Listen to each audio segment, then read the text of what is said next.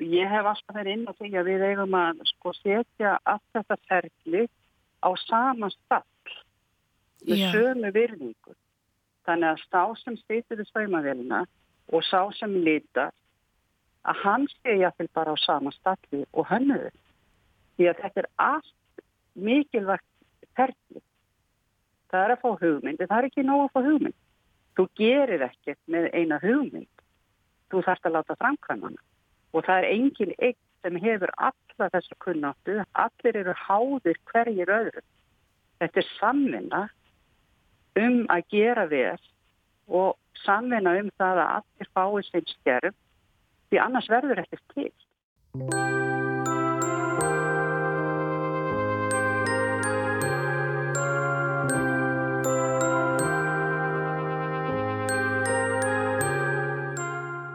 Þetta var Ástís Jóelsdóttir.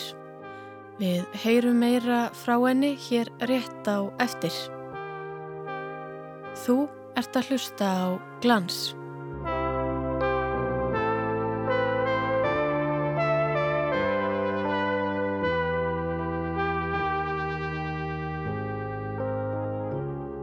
Tekstýll er allt í kringum okkur og kemur við sögu í lífum okkar hvern dag líkt og við rættum um í síðasta þætti. En gefum við honum almennt nægilegan gaum? Vitum við hvaðan fötun okkar koma? Vitum við úr hverju þau verða til?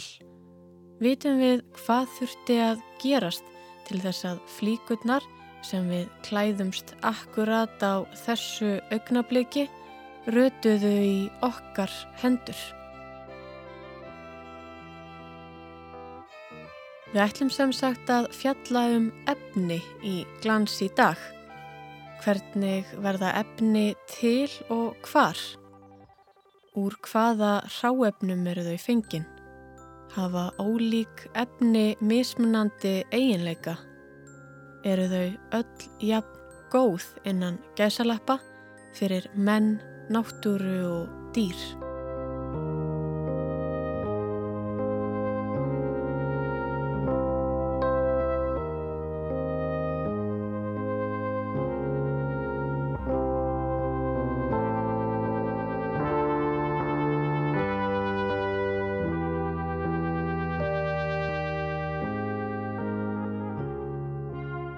Já, ég heiti Ástís Jóstóttir og er hérna lektor í tekstil í metavísindasvið Háskóla Ísland.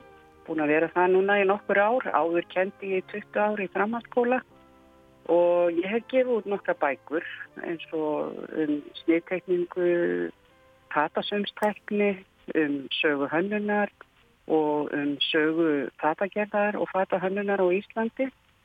Og svo núna er ég að vinna bók sem að mun fjallaði um sjálfbærni í textil, þar sem ég fer yfir ímislegt sem tengist bæði fráefni og neytundafræði og bara svo almennt um viðgerðir og, og, hérna, og ímsa nýsköpun í tengslu við takna og hvernig við getum endur nýtt og, og ímislegt leira.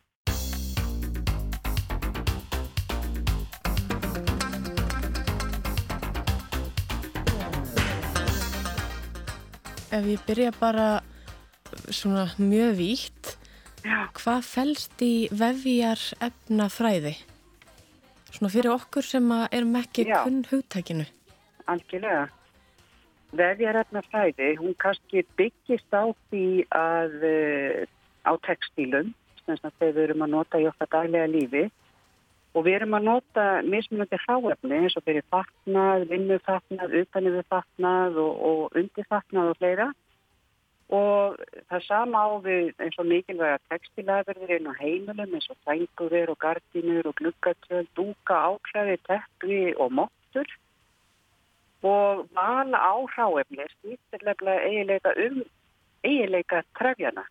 Mm. Þegar kemur til dæmis að spuna eins og þeirra við styrk og finnleika, lengt og áferð og tegjarleika og yfirbor. Og einmitt þegar þú segir spuna, er það þá hvernig efnið er ofið? Nei, það er spuninni snýst um að búa til þræðina eða garnið. Mm. Sko. og síðan vinnur þú áfram með það í eitthvað eftir að vefa úr því til þess að nota í gardínur eða vatnað eða eitthvað þess að það er eða prjóna já, eða hekla eða sauma út spuni er raun og veru snýstum styrkleika gardsins eða þráðana fyrst er það náttúrulega eigileikar krefjana hvernig spuni síðan kemur út það er náttúrulega þeir líka að segja En það er líka fleira sem kemur til náttúrulega. Það er eh, eins og litun og glans og, og, og möguleiki efnana til dæmis til að draga í til raka og einangra og síðan möguleikin á endurlíkingun. Hver eru helstu svona vefjar efnin? Já, sko við skiptum þessu yfirleitt í tvo flokka. Höfuflokkurinn eru náttúrutrefjar og gerfitrefjar. Og náttúrutrefjarnir eru júrstatrefjar eins og bómull og höf og síðan er það dýratrefjar sem er eins og ull og silki. Og þessar júrstatrefjar eru unnar úr aðalega júrstaslutum sem sagt og að mestu leiti uppbyggðar úr cellulósa. Og síðan má náttúrulega skipta þeimlir í flokka líka. En dýratræðjarnar koma af hárum dýra og er að mestu leiti uppbyggðar úr próteini. Og ull er þar algengust en það eru líka náttúrulega eins og silki sem er kannski verðmætara og kemur úr svo kallum púputrefjur.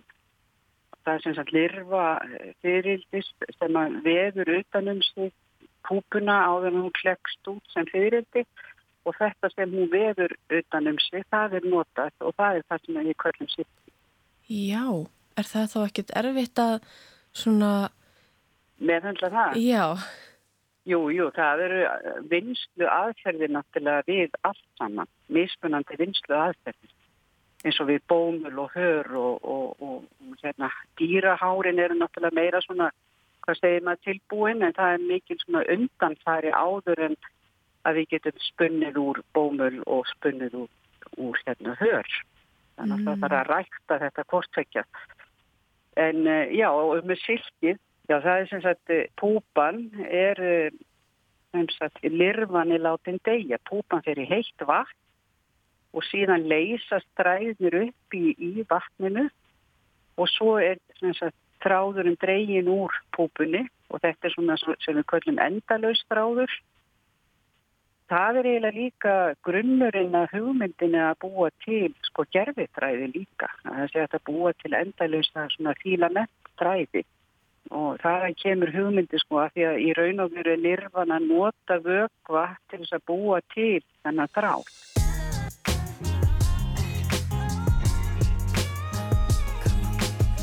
Frjálsa alfræðiritið Wikipedia segir eftirfarandi um silki. Silki er ofiði náttúrulegt efni. Það er unnið úr þráðum silki ormsins. Ímis smádýr af fylkingu liðdýra eins og kongulær og nokkrir ættbolkar skordýra framleiða silki, ímis sem fullorðin dýr eða á lirfustíi. En mórberja silki fyririldið er svo tegund sem helst býr til silki sem menn geta nýtt sér. Lirfa fyririldisins framleiðir silkið í púpu síni. Hún breytir löfum mórberjatressins í límkjanda fróðu sem verður að þræði þegar það kemur úr munni lirfunar. Úr þessum hárfína þræði býr lirfan svo til púpu. Hægt er að fá þrjár gerðir af silki úr púpunum. Hespusilki eru lungu þræðirnir ist á púpunni og eru þeir um 1000 til 1500 metra langir. Sjappelsilki er unnið úr því sem eftir er af púpunni og eru þeir þræðir aðeins 5 til 30 cm. Rásilki er svo unnið úr leifum þeirrar vinslu og eru þeir þræðir stittri en 5 cm. Efnafræðilega er þráðurinn samsettur úr lungum aminosýru samindum mjög svo sveipuðum keratíni en það er efni sem er til dæmis í hári, fjöðrum og nöglum ímessa annara dýra. Silki þráður er eitt af sterkustu efnum heims með að við þyngd og það er einnig sveianlegt og tók stert. Silki er mjúkt í að taka og vel einangrandi. Ef silki fær rétta umhyrðu, hleypur það ekki í þvotti. Ómeðhandlað silki missir gljáa og góða eiginleika við sólarljós. Það krumpast minna en bómull en meira en öll. Flest silkiefni þóla vélþótt á stillingu fyrir viðkvæman þótt en þóla ekki þurkara. Silki er ekki mjög slítstert, það ramagnast auðveldlega og er mölsækið.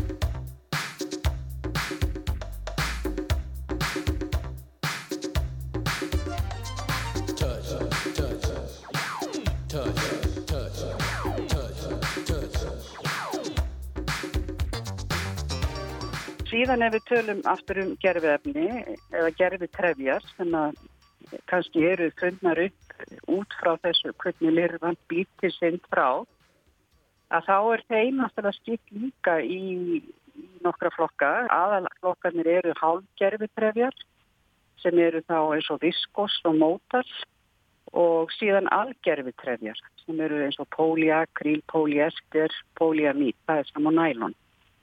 Og svo tölum við líka um ólífræn efni sem eru gler og malmar sem við erum að nota líka. Í fatna? Já, það kemur fyrir, já. Það eru svona málmfræðir og, og annað, já, já, það kemur fyrir. Og er það rétt að flýs er úr plasti? Já, það er rétt. og er þá gerðvefni í rauninni líka? Já, það er, já, það er gerðvefni. En svo já. náttúrulega eins og ég segi, grunnefni til dæmis í, í algerðvefnum eru eins og cellulósi, prótein, steinkól, kalk, salt, loft, ólíja, vatn og malmar, svo eitthvað sem enn.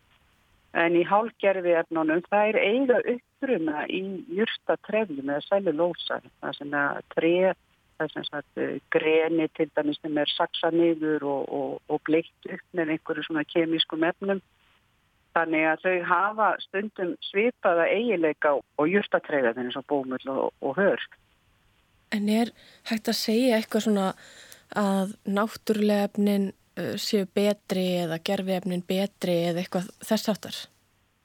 E, já, það er náttúrulega mikið náttúrulega búið að tala um það að, að náttúrulega efnin séu miklu betri en það tekur náttúrulega alveg gríðanlega vinstu ferðið er lágt. Mm -hmm. þess að ég var að segja og það þarf að rækta og það er ekki alltaf heilnæmt fyrir umhverfið, ræktuninn og, og það, þannig að maður myndi kannski segja að það sem væri mest áhugavert er ullin.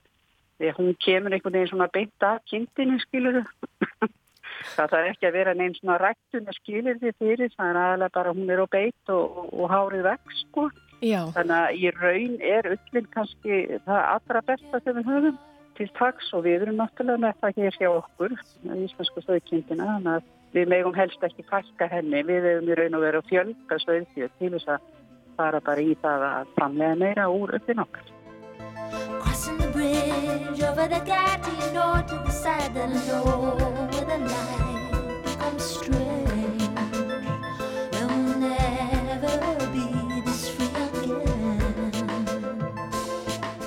Þess má geta að um 890.000 kindur fórum fjöll og fyrnindi hér á landi árið 1978 og talið er að þær hafi aldrei verið fleiri.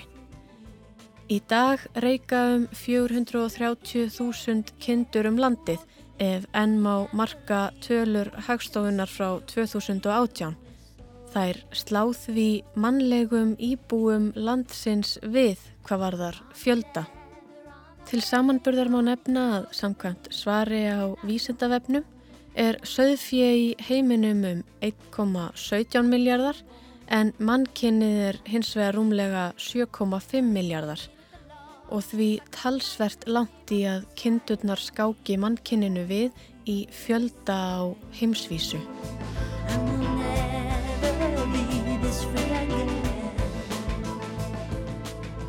Og það er mitt eitt sem ég er svolítið spáð í meðir kindin sig þegar að vera að ríja hana?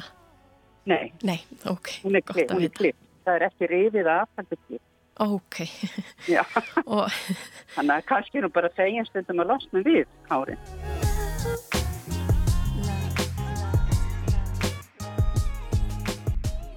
Af því að þú nefndir hérna sko gerfiðefni, hvort það er eitthvað jákvæmt við þau eða algjörlega neikvæmt. Já sko gerfiðefnin hafa svo marga kosti líka, það þarf ekki að búa kannski jafnvel eins og oft þóttna fyrir og, og svona ímsið þættir, styrkleikin er meiri. Og þau eru oft notið til þess að styrkja svona þessi blöndu nefna stýst oft um að bæta upp uh, veikleika hjá náttúruefni sko hver er kosturinn og gallinu, þau eigðast náttúrulega ekki upp í náttúrunni en En er hægt að endur nýta þau meira, er þetta að vera meira með það í ringrás heldur en hinn mm. þú veist, þetta er alls konar svona spurningar sem er búið að vera vetta fyrir sér. Sko, ef efni eru blönduð, þá er síður hægt að endur vinna. Já. Þannig það er kannski endinga meiri flík en minna hægt að uh, endur nýtana eftir á. Já, þannig að ef, eins og núna er það að endur nýta eða endur vinna póliastir ef það er 100% póliastir mm. og maður sér þetta gerna núna sko að eins og í einhverjum búðum þá er skrifa sko 100% póliastir sko til þess að íta undir að, að það sé hægt að endur vinna það. Já. Þannig að, að þá, þá erum við komin á þann stað að segja kannski jáfnveld, já ef að gerfiðefnin eru bara 100% gerfiðefni að þá er meira líkur á að það sé að endur vinna það heldur að það er blanda.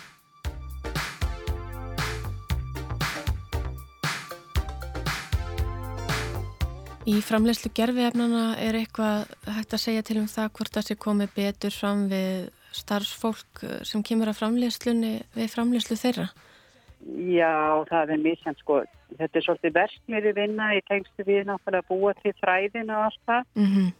og, og vefnaðinn og það en síðan þegar kemur að náttúrulega saumavinnu þá er það alveg á sama stað og, og náttúrefni sko, þú veist, það er alveg sama ferli eftir að þráðurinn er komin til sko. Ullin er náttúrulega það er kynntin út á tóni bómullin það þarf að rækta það og það er langt og stramt ferli, það er verið að nota skortýrautur og alls konar hluti, hör, þú veist það er sama þar, vinsluferlið er langt, en gerfiðefnin eru bara lokuð inn í einhverju versmiðu sko sem er bara dælt út einhverjum þráðum sko með því að blanda saman einhverjum eins og ég nefndi áðan ólíu, kóli eða einhverju sem er náttúrulega tekið úr náttúrunni líka en uh, útkoman er eitthvað sem eigðist ekki í náttúrunni þannig að það er búið að fara í gegnum þannig ferli að, að það er erfitt að brjóta það aftur niður sko. þannig að þetta er, þetta er stóra mikið heimur og maður þarf að skilja svolítið sko, þetta til þess að fatta það er gerfiðefnin eru komið, þau eru búin að vera til staðar. Hvena losnum við við þau? Þú veist, eru þau kannski ákveðin kostur? Við getum ekki kannski alveg verið að velta okkur starfhendur meira að vera sjálfbær og nýta það sem við höfum í höndanum og það er náttúrulega líka það sem við þurfum að læra, það er að vita e, hvað hefur gerst með þessa flík. Já. ég horfi á flík. Get ég rakið hvernig hún hefur verið búin til? Skilur þau, hvernig er sniðið? Já hún hefur verið litu já, eða hún hefur verið fritt já það er alls konar munstur á henni. Veist, það eru rennilásar, jú þeir hafa verið búin til einhvers þar og það eru tölur og það eru alls konar saumar, jú þetta hefur þurft að sauma, það hefur þurft að sníðana, það hefur þurft að hannana og svo ef hún eru bómul þá hefur þurft að rækta það og hver er þessi bómul sko, yeah. það er, þú veist, það er þetta sem við þurfum að læra, það er að rekja hlutina. Og við fáum kannski þá aukna virðingu fyrir flíkinni í leðinni. Algjörlega.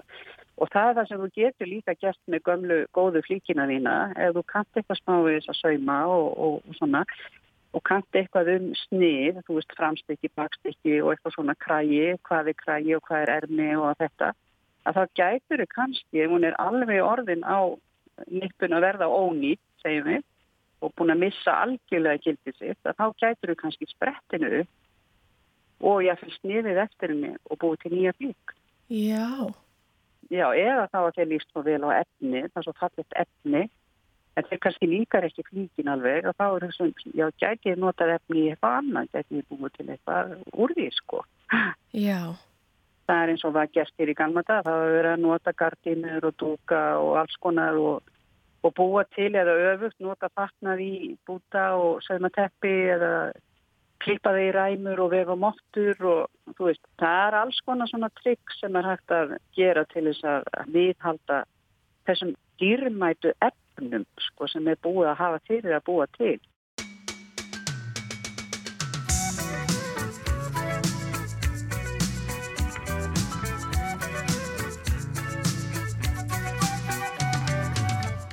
Það var lefnilega í gamla daga, þá var það dýrmætasta sem fólk átti það voru föttin. Þú sér það, þú ferð ekkert út eh, nema þú sérst í föttum, skiluru. Það, það var það dýrmættast og það þurfti að endast. Það var náttúrulega eins og hér bara á Íslandi það er langu prósess náttúrulega þó öllin síðan það er svolítið tilbúin með að við bómul og hör að þá þarfstu samt að spinna og þú þarfst að hafa fyrir að setja þetta í verðstól og, og vefa niður eða prjóna Þannig að þetta var dýrmætt og það var líkil tími. Fólk var náttúrulega að vinna alls konar vinnu í kringum mat og heimilið og annað. Þannig að þessi slíkur fyrst að endast. Þannig að fólk var svo mikla virðingu fyrir fötunum sínum að þau eftust. Þannig að þetta var það dýrmættasta sem fólk átti. Heldur að við sínum efnum eh, tilhliðlega virðingu í dag? Nei, við erum nefnilega ekki að rekja nógu mikið hvaðan efnin koma. Við erum svolítið bara svona í kannski á yfirborðinu svolítið. Þannig að við erum kannski frekar að segja eitthvað, já, er, er þetta lífur en bómull eða er þetta, já, að ég vil nú bara endur nýta náttúrefni. Þú veist, já. eitthvað svona, sko. Við getum, við losnum ekkert við plastið eins og maður segir. Nei. Vonandi gerum við það einhver tíma. En meðan það er í, í okkar umhverfi og er í okkar fatnaði og öðrum heimilistekstíl að þá verður við bara að horfast í augu við það og reyna að endur nýta það líka. Við þurfum bara að vera svolítið sjálfbær sko, og við sjáum þetta sem tækifæri, ekki líta á það sem einhverju kvöð, heldur tækifæri. Við þurfum bara að fara í þetta, svona eins og maður myndi segja, grunninn, bara alveg, bara alveg bakka, bakka sko.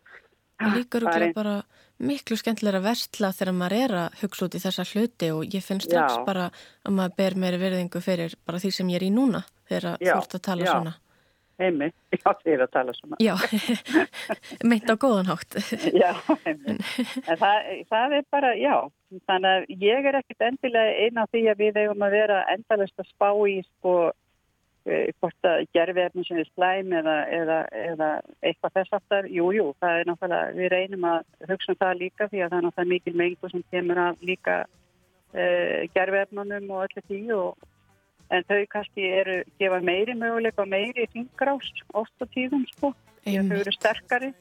En þetta er aðalega þetta að við sko byrjum ekki að gaggrína yfirborðið heldur höfum ofan í tekkinguna sko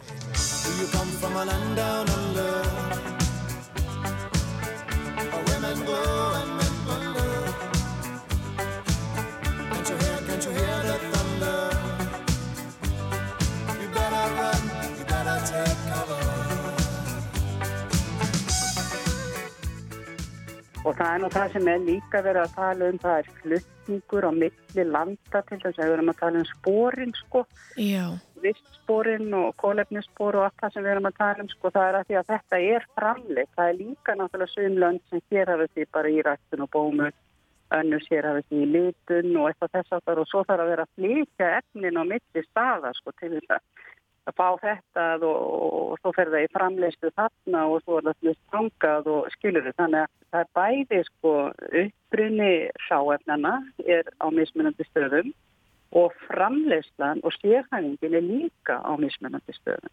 Ef maður hugsa út í það, ef við segjum að kannski bómullin væri mjög vistvætt, um, en framleitur í rauninni virkilega langt frá Íslandi, ja Já. þá væri hann kannski ekki eins vistvæð fyrir okkur og kannski önnur ráöfnir sem eru nær okkur. Já. Já. Já. Mm. Og svo varst það að nefna þannig eftir, hvað sagður, eftir? Já, eftir meðhandlun. Sko það er líka, það er náttúrulega margt sem gerist uh, þegar verið er að framleiða efnið. Veist, það getur verið lítun og alls konar, uh, lítun getur verið bara í spunaferlinu eða í trefjaferlinu eða eða eftir að fíkin er bara tilbúin sko, mm. að hún sé litið eftir og það er svona hættir. Svo eru líka ímislegt sem er gert bæði í ferlinu sjálfu og líka eftir að fíkin er tilbúin en það það sem við köllum eftir meðhandlum. Það er eins og til dæmis eh, eitt sem heitir bleiking sem gerir efni kvítara og til að losna við bletti til dæmis Þetta á nú aðalega við bómull. Bómullin er náttúrulega ekki alveg 100% hvít en ef hún er alveg hvít þá er eiginlega örugt að hún hafi farið í gegnum þetta ferli, þessa bleikingu. Já, svona eins og blít á ennsku. Já, já. Er það ekkit vond fyrir okkur að... Jú, það getur verið, jú, það getur verið það. Og svo er til dæmis vatsfælni eða impregnering heitir það nú á sænsku eða gegndreiping eða sílikonmeðhandlun og það er nota til þess að vats þjætta bómullarefni til dæmis fyrir yfirhafnir og það er sem sagt vörð þá gegn óhreinvindum, rótnum, bakteríum, bruna og þess að það líka og það getur líka komið með fyrir það að efni kruppist Já. Já. En það er allt kannski með kemískum efnum eða þannig? Já, það Já. er allt, já. Og svo er eitthvað sem heitir forleiping. Það er sem sagt eftir með höndlu líka sem þjættir þræðina þannig að efni hleypur aðeins til dæmis 1% í þotti.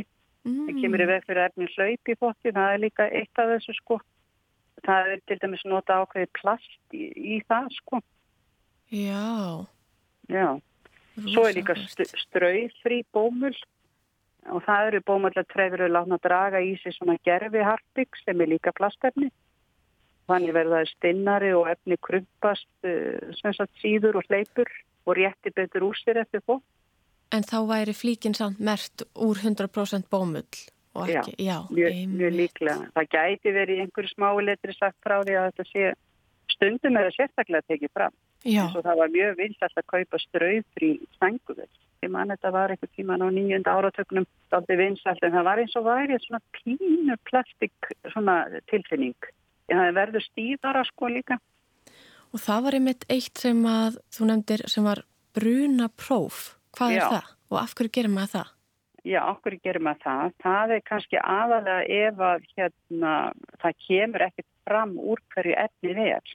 Og líka náttúrulega ef þú ætlar að nota það í eitthvað ákveðið, það stendur náttúrulega ekki að efni sé bruna prófa, sko.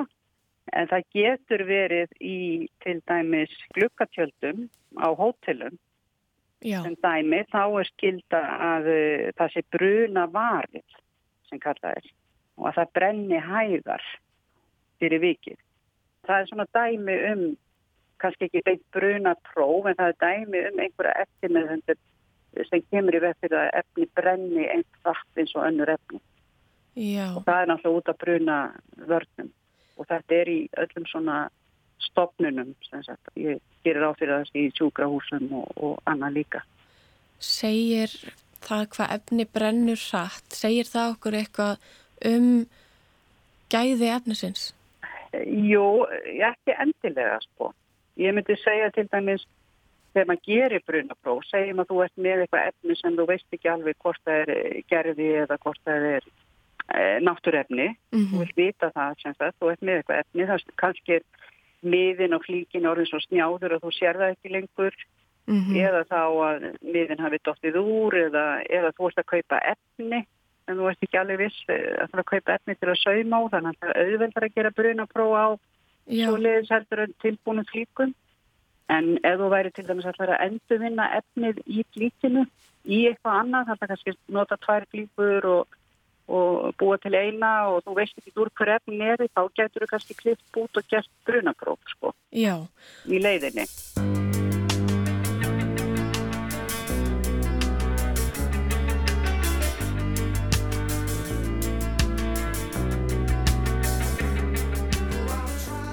höfum við að mestu verið að nota sömu efnin í aldana rás eða hafa orðið miklar breytingar þar á? Já, sko, öll þessi náttúruefni eiga sér langa sögu, bara mjög langa sögu. En þau efni sem eru ný, það eru náttúrulega þessi gerfi efni sem koma að mestu leiti fram á 20. stöldinni, það er nú ekki lengra síðan. En það er alveg gríðarlega þróun í svona, hvað segir maður, ráefnum í, í fatnað. Þannig að það er til dæmis verið að þróa mikið í kringum íbrottafatnað og þess aftar sem að við höfum svo kannski notið góðs af líka og það var til dæmis þegar fyrir og steitni heimsturildin var þá að náttúrulega mikið þróun í alls konar svona hermana fatnaði ef við segjum svo leið eða herfatnaði. Og það hefur líka nýst okkur sko eins og slitt, fletir og annað. Og svo er eins í sambandi við vinnufatna, það eru til dæmis ákveðni staðlar í kringum það eins og þeir sem er að vinna í, hérna, í eins og slökkulismenn eða, eða lögregla þeir þurfa að vera í ákveðni svona slít sterkum fatnaði og það er mikið þróun semst í öllu svona.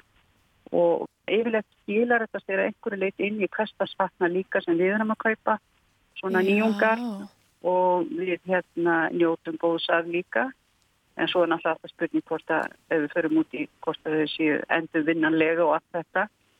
Þú veist það er alls konar svona því að þetta er svo breytt einhvern veginn og gríðarlega vísendi í kringum þetta. Já. Það eru til bók sem er búið að fara í langt háskólanám sem heita textilfræðingar og verkfræðingar og og við áttum nú einhverja þannig hérna, þegar við vorum með alltaf þennan öllarreynað á, á Íslandi þá áttum við textilfræðinga en það er lítið á þeim núna en þú ferði í skona, verkfræði skóla til að, eins og maður segir, háskóla náma á, á verkfræði sviði til þess að læra það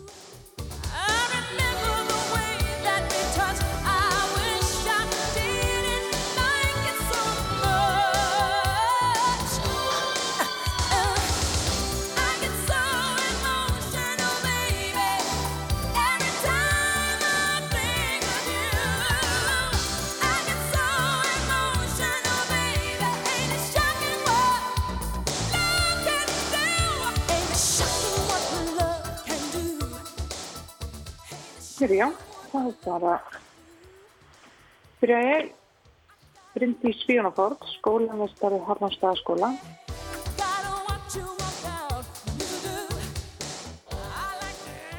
Ég einmitt fekk veður af því að þið hjá Hallónstaðaskóla hafið aðeins svona öðruvísi nálgun á það að vinna með efni. Að það sé áhersla til dæmis á náttúrulega efni og efni í nærum hverfinu. Já, mikið rétt. Við erum búin að vera að breyta aðeins áherslanum hjá okkur í skólastarfinu og bæði tekið svona stref aftur og bakk til fortíðar og sé hvaða vinslu aðferður og hvað efni að vera að nota hérna áður fyrr. Og svo líka vera að horfa til framtíðar hvaða efni munum við vera að vinna mest með í framtíðinni.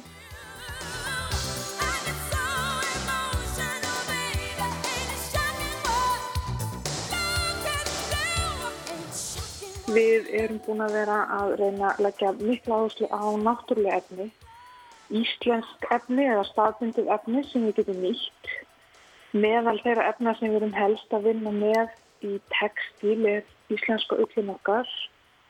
Við erum einni með náttúrulega önnur efni eins og hör og bómul og eh, hamp.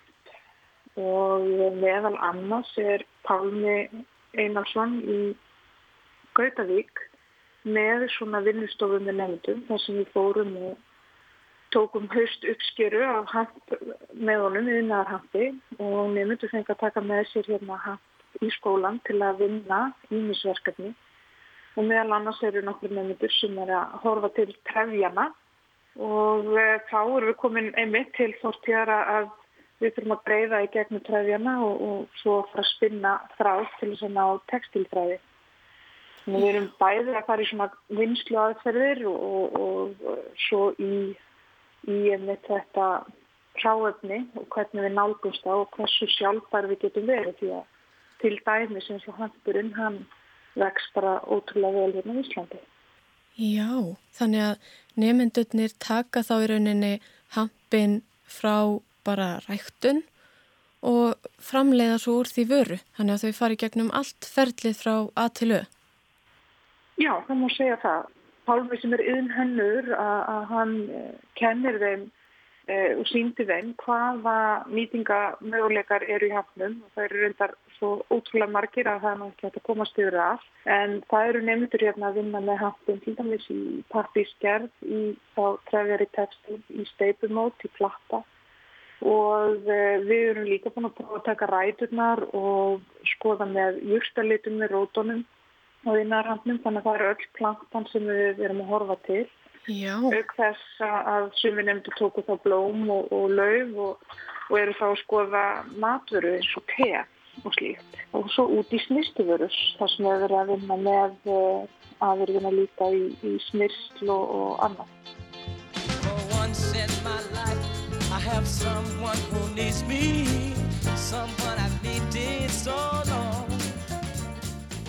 Í svari Vilmundar Hansen, grasa og gardirkjufræðings og bladamanns á vísendavefnum við spurningunni hvað er hampur, í hvað er hann notaður og er hann ræktaður á Íslandi, segir eftirfarandi.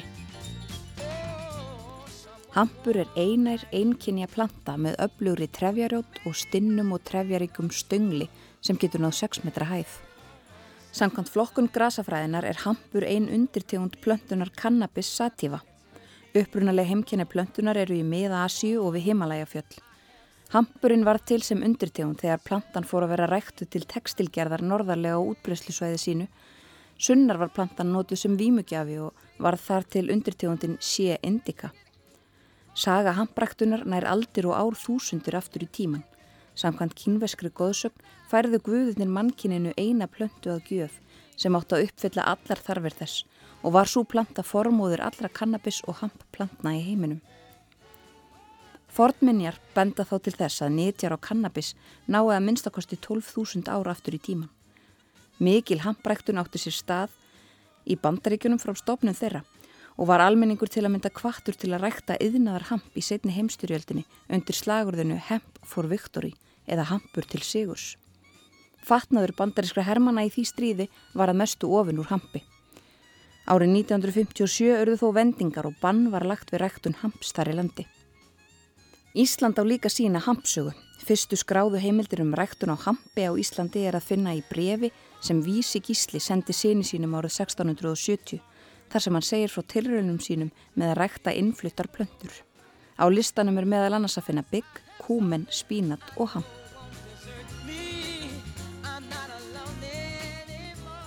Í dag er ræktun á yðnaðar hampi leifði um 30 löndum sem framleiða samtals um 175 miljón tonn af hampi á ári.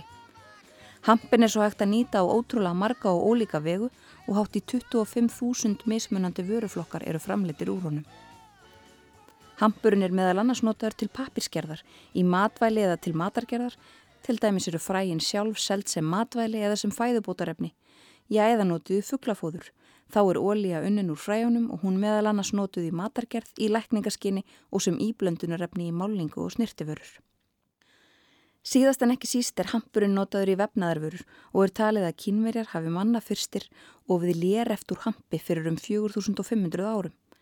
Þá voru trefjar plöntunar til dæmis notaðir í klæði, segl, reipi, pappir og kaðla og kaðlar úr hampi voru til að mynda algengir í hengingarsnúrur við aftökur. Þá voru fyrstu lífarskalaböksunar saumaður úr strega sem var ofin úr hampi og markasettar fyrir gullgrafara vegna þess hversu endingar góðar þær væru. Í dag er fatnaður sem í er hampþráður yfirleitt blanda af hampi, bómull eða silki til að mikið áferðina. Þá eru hampþræðir notaðir sem íblöndunarefni við trefjaplast og þá er að finna í golfteppum, áklæði húsgagna og sem byggingarefni og einangrun í húsum og hjólísum.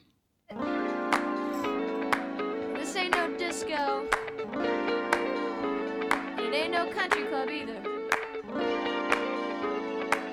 This is LA. All I wanna do is have a little fun before I die. Sits a man next to me out of nowhere. Hampurinn er mjög fjölhæfur og meðan annar ráfni kannski ekki eins fjölhæft og uh, þetta er eitt af því sem að nefndur eru svona að uh, læra í náminni að kynnast þessu sáöfni hvernig við erum að vinna með það og ég vil horfa til nýsköpunar eða einhverja sóknartækifæra í að nýta betur það ráðum sem við höfum. Og við höfum verið að endurveika því eins og júrstalitun hér og þá eru við að týna júrstir hvort sem við nótum þær í smyrst, matagerð eða eins og júrstalitun á, á textil. Og júrstalitirnir, þeir eru svolítið svona afgerandi jarðlitir oft og, og ef maður vil fá einhverja sterkari liti þá er til dæmis búið að vera að þróa svona líftekstíl þar sem við erum að vinna kannski með bakterjur sem gefa sterkari liti. Þannig að tækifærin eru þarna og þekkingin er til staðar og oft snýst hún um svolítið þverfælega nálgun á viðfánsefninu. Þannig erum við kannski komin inn á svið lífefnafræði eða annara, annara tækni og, og tengja þetta saman. Og uh, textilin er mikið til bara búið að færast ég að lifir í eins og kemsleldus þar sem er verið að ræri pottum og, og matleikvað og endan er verið það efni eins og ég segi, það, í sjálf og sér er ekkert nýtt undir sólinni og fullt af hlutum hefur verið gert áður. En við erum líka bara bæði að, að opna augun fyrir öllu þessu sem er hægt að gera og skapa og uh, veita nefndum okkur hérna bara svona aðstöð til þess að rannsaka og, og kanna nýtingamöguleika, nota tækin og tólinn sem við höfum hérna í skólanum og kennum þeim á, á þau og svona viðkendar vinslu aðferðir og þau þróa þetta svo áfram.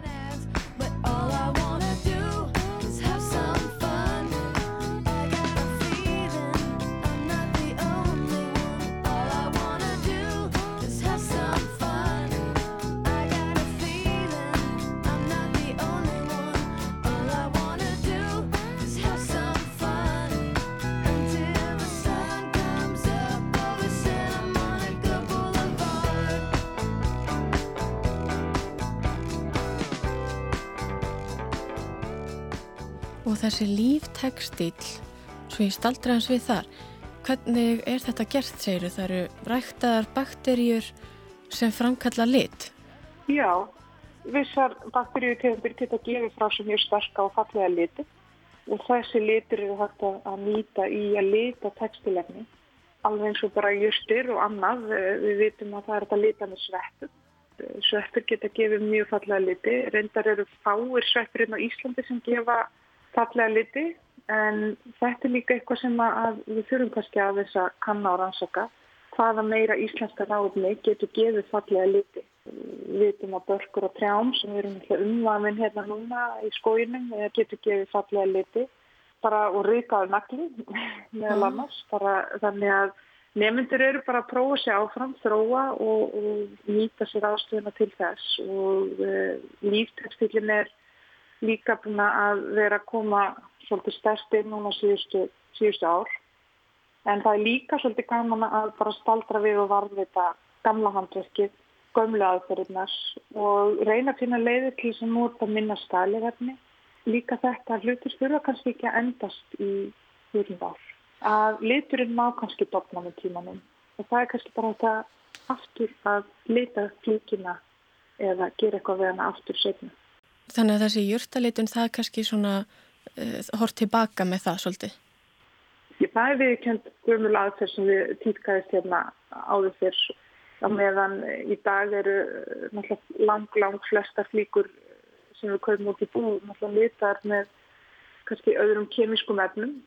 Það er náttúrulega alltaf verið að tróa betri þannig efni en uh, það er eitthvað sérmennandi við það að fara út og týna sjálfur það sem hún notast til þess að lita. Tengjast aðeins náttúrinu átt að segja á því hvað er í kringu þig, hvað er það sem varst með í höndunum og taka það áfram.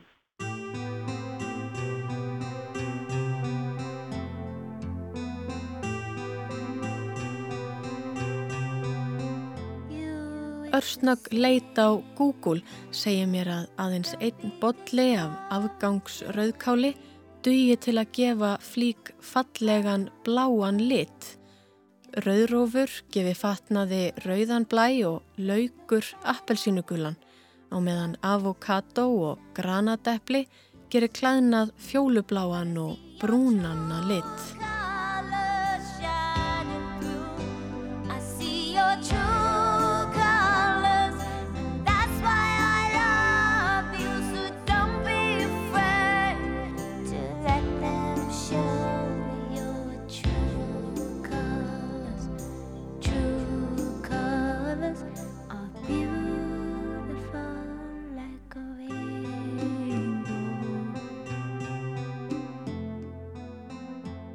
Maður hefur heyrt að svona hefðbundin fatalitur sé mögulega ekkert svo góður fyrir já, okkur neytendurna og einni fólki sem að vinnur með þessi efni.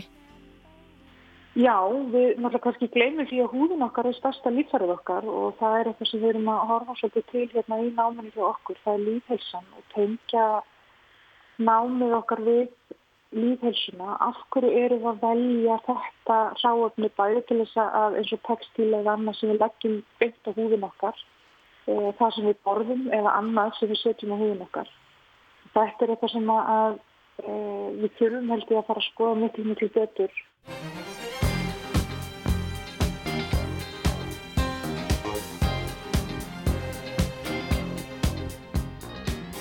Hvernig heldur þú að þróunin verði, hvernig lítur framtíðin út í þessum efnum? Er þetta færast meira nær okkur?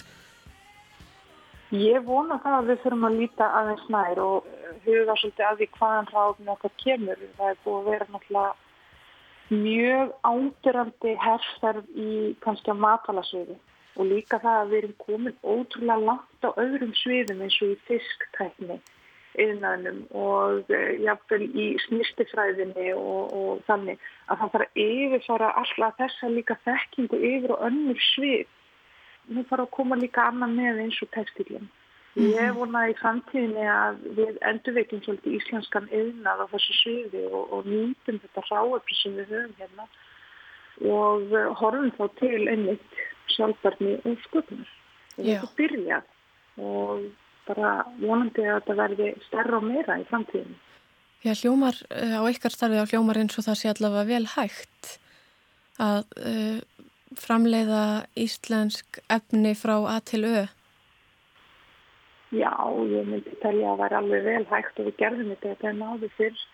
Þannig að uh, ég tel að við ættum alveg að geta þetta aftur og um, vona innilega að við getum líka þá hórt til þess að það verður eftirsóknarverst að fá Íslands tráöfni í, í framleiðslu. Annars það er ég að ef við önnum því. Íslenska ullin okkar, hún er, ég veit hún er vinsæl, það eru margir sem vestla með erlendi sem að sér það að, margir sem eru í prjóni og annað að þeir sækjast í að vinna með íslenska ull. Þannig að við erum rík þjóð af ymsu ráöfnum og við þurfum bara að kannski opna auðvokk okkar gagvast því, gagvast eh, nýtingamöguleikum og horfa svolítið í hvað við erum að flytja inn. Möguleikarnir eru sannlega fyrir hendi, það eru tækifæri vísvegar og ég held að við þurfum líka bara þess að opna auðvokkar dagvast ráfnum sem eru kringum okkur og uh, virkja kannski að sköpunarkraftin.